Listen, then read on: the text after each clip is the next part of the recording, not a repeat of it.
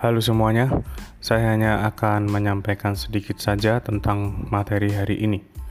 Analisis framing model Murray Edelman. Edelman ini bukanlah ilmuwan komunikasi tetapi ilmuwan politik. Pada tahun 1993 dia menulis relasi antara media dan politik.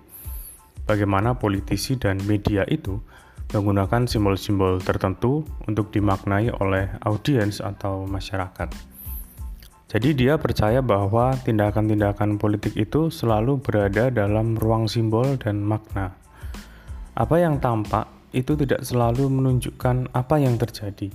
Selalu ada maksud di balik setiap tindakan politik. Misalnya, misalnya birokrasi hukum itu ribet dan panjang. Kalau tidak sesuai, itu juga bisa dianggap e, tidak sah karena ada hukum acara. Nah, apa makna dari ribet dan panjang itu?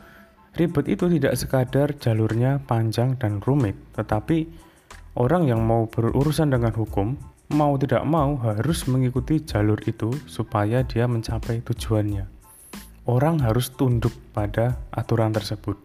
Dengan demikian itu sebenarnya e, menyimpulkan otoritas para penegak hukum.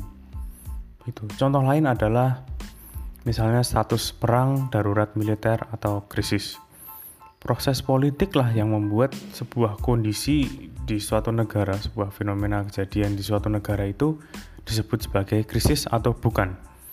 Ketika disebut sebagai krisis, maka pemerintah lalu berhak untuk mengambil langkah-langkah tertentu yang memaksa warga untuk mengikuti. Misalnya, terdapat banyak sekali analisis tentang militer, konflik, dan kekerasan di Indonesia Selama ini narasi yang berkembang dan kita yakini adalah bahwa ada konflik antar warga, lalu negara hadir melalui kekuatan militer untuk mendamaikan kubu-kubu yang berkonflik dan membuat kondisi menjadi damai. Tetapi menurut riset-riset yang lain, ada ilmuwan-ilmuwan yang berpendapat bahwa beberapa konflik itu sengaja untuk dibangun bahkan sengaja dipelihara lama-lama sehingga membuat penguasa itu mengetok palu bahwa itu sifatnya krisis atau itu statusnya krisis. Kalau sudah krisis lalu apa? Setiap ada krisis itu berarti ada operasi. Nah, setiap ada operasi pasti ada uang di situ. Bisnis senjata juga lalu ramai karena ada krisis. Coba bayangkan semuanya damai-damai saja, ngapain ada bisnis senjata? Jadi bingkainya bisa berbeda-beda. Nah, Edelman ini melihat bingkai dari dua pendekatan, yaitu kategorisasi dan rubrikasi. Ini bukan dua hal yang bertentangan, tapi lanjutannya. Kita masuk ke kategorisasi dulu. Prinsipnya, realitas ini kan luas dan tidak beraturan. Padahal realitas ini perlu dipahami oleh manusia. Luas, tidak beraturan, dan uh, random, chaos, padahal harus dipahami. Maka yang dilakukan manusia adalah meletakkan realitas itu dalam kerangka atau kategori tertentu supaya bisa dipahami. Tanpa kerangka itu, maka peristiwa akan tampak kacau, membingungkan, dan tidak bermana. Dan berbagai peristiwa akan terlihat berdiri sendiri dan tidak saling berhubungan. Nah, kerangka itu sangat mungkin berbeda-beda pada satu media dan media lainnya. Itulah mengapa satu realitas yang sama bisa dimaknai secara berbeda pula. Media akan menyajikan sesuatu dengan menekankan hal-hal fakta-fakta yang berbeda, mewawancarai narasumber-narasumber yang berbeda juga. Bila dikaitkan dengan teori efek media, ini berarti media sedang membangun suatu realitas untuk dikonsumsi dan dipercaya oleh audiensnya. Nah, apa pentingnya kategorisasi ini? Tentu penting sekali. Kesalahan dalam menggunakan kategori akan berakibat terhadap kesalahan dalam mendefinisikan sebuah masalah, kesalahan dalam membangun ruang lingkup masalah, dan pada akhirnya kesalahan dalam memberikan solusi atas masalah tersebut. Jadi kalau di awal definisi sudah salah, di belakang juga pasti akan salah. Misalnya, dalam politik itu biasanya ada pendekatan aktor atau sistem. Nah, lalu kalau ada persoalan, partisipasi politik generasi milenial yang rendah. Itu persoalannya. Harus diketahui dulu apa sebabnya, mengapa partisipasi politiknya rendah. Apakah karena generasi milenial itu malas melihat aktor politik yang itu-itu saja? Yang dari generasi itu-itu saja, dari partai itu-itu saja. Atau generasi milenial ini malas melihat berita politik yang isinya penuh korupsi, kebijakan yang merugikan, dan konflik kepentingan? Nah, kalau persoalannya adalah yang pertama, bosan melihat aktor politik yang itu-itu saja, maka langkah pemerintah untuk menghadirkan wajah-wajah milenial dalam staf uh, khusus presiden itu adalah langkah yang tepat.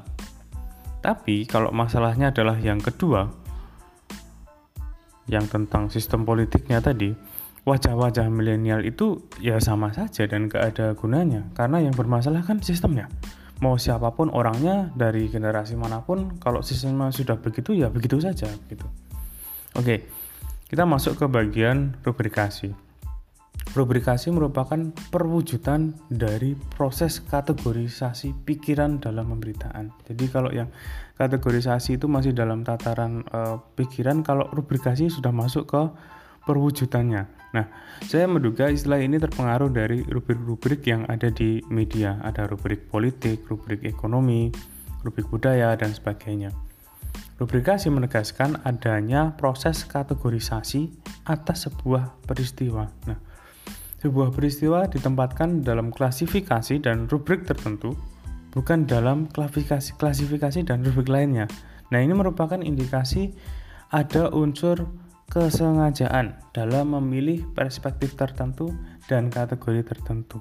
Nah, itulah mengapa uh, pada perspektif konstruktivisme Coba kita ingat lagi pertemuan yang ke-8 ya. Berita itu tidak apa adanya, tidak seperti dilihat oleh perspektif positivis. Berita itu disusun secara sengaja oleh wartawan dan organisasi media, sengaja begitu. Nah, di artikel itu dicontohkan tentang kondisi anak jalanan. Nah, ada realitas tentang anak jalanan. Nah, itu mau dikategorisasikan sebagai permasalahan apa?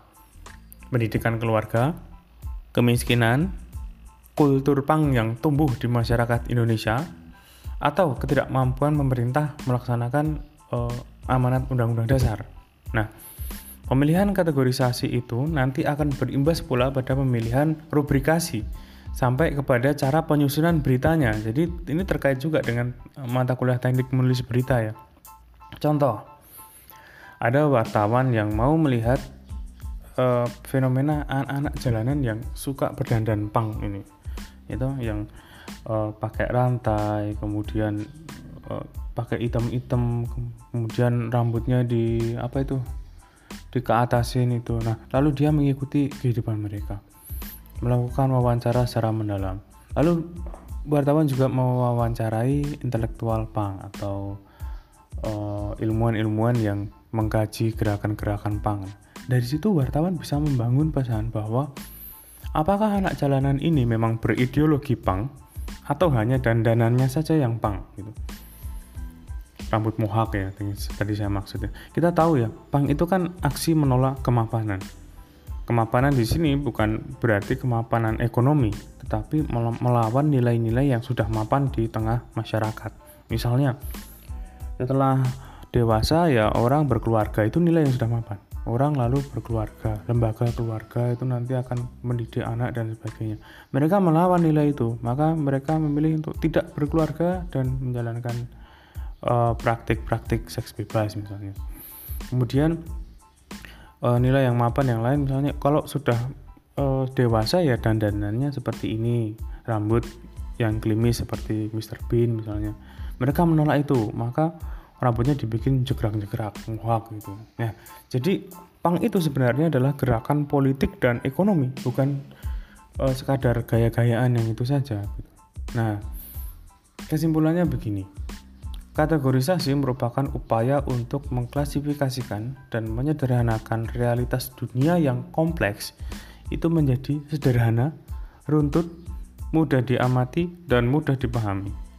Nah, selanjutnya dalam pemberitaan media massa, kategorisasi itu tadi dipertegas dengan proses rubrikasi.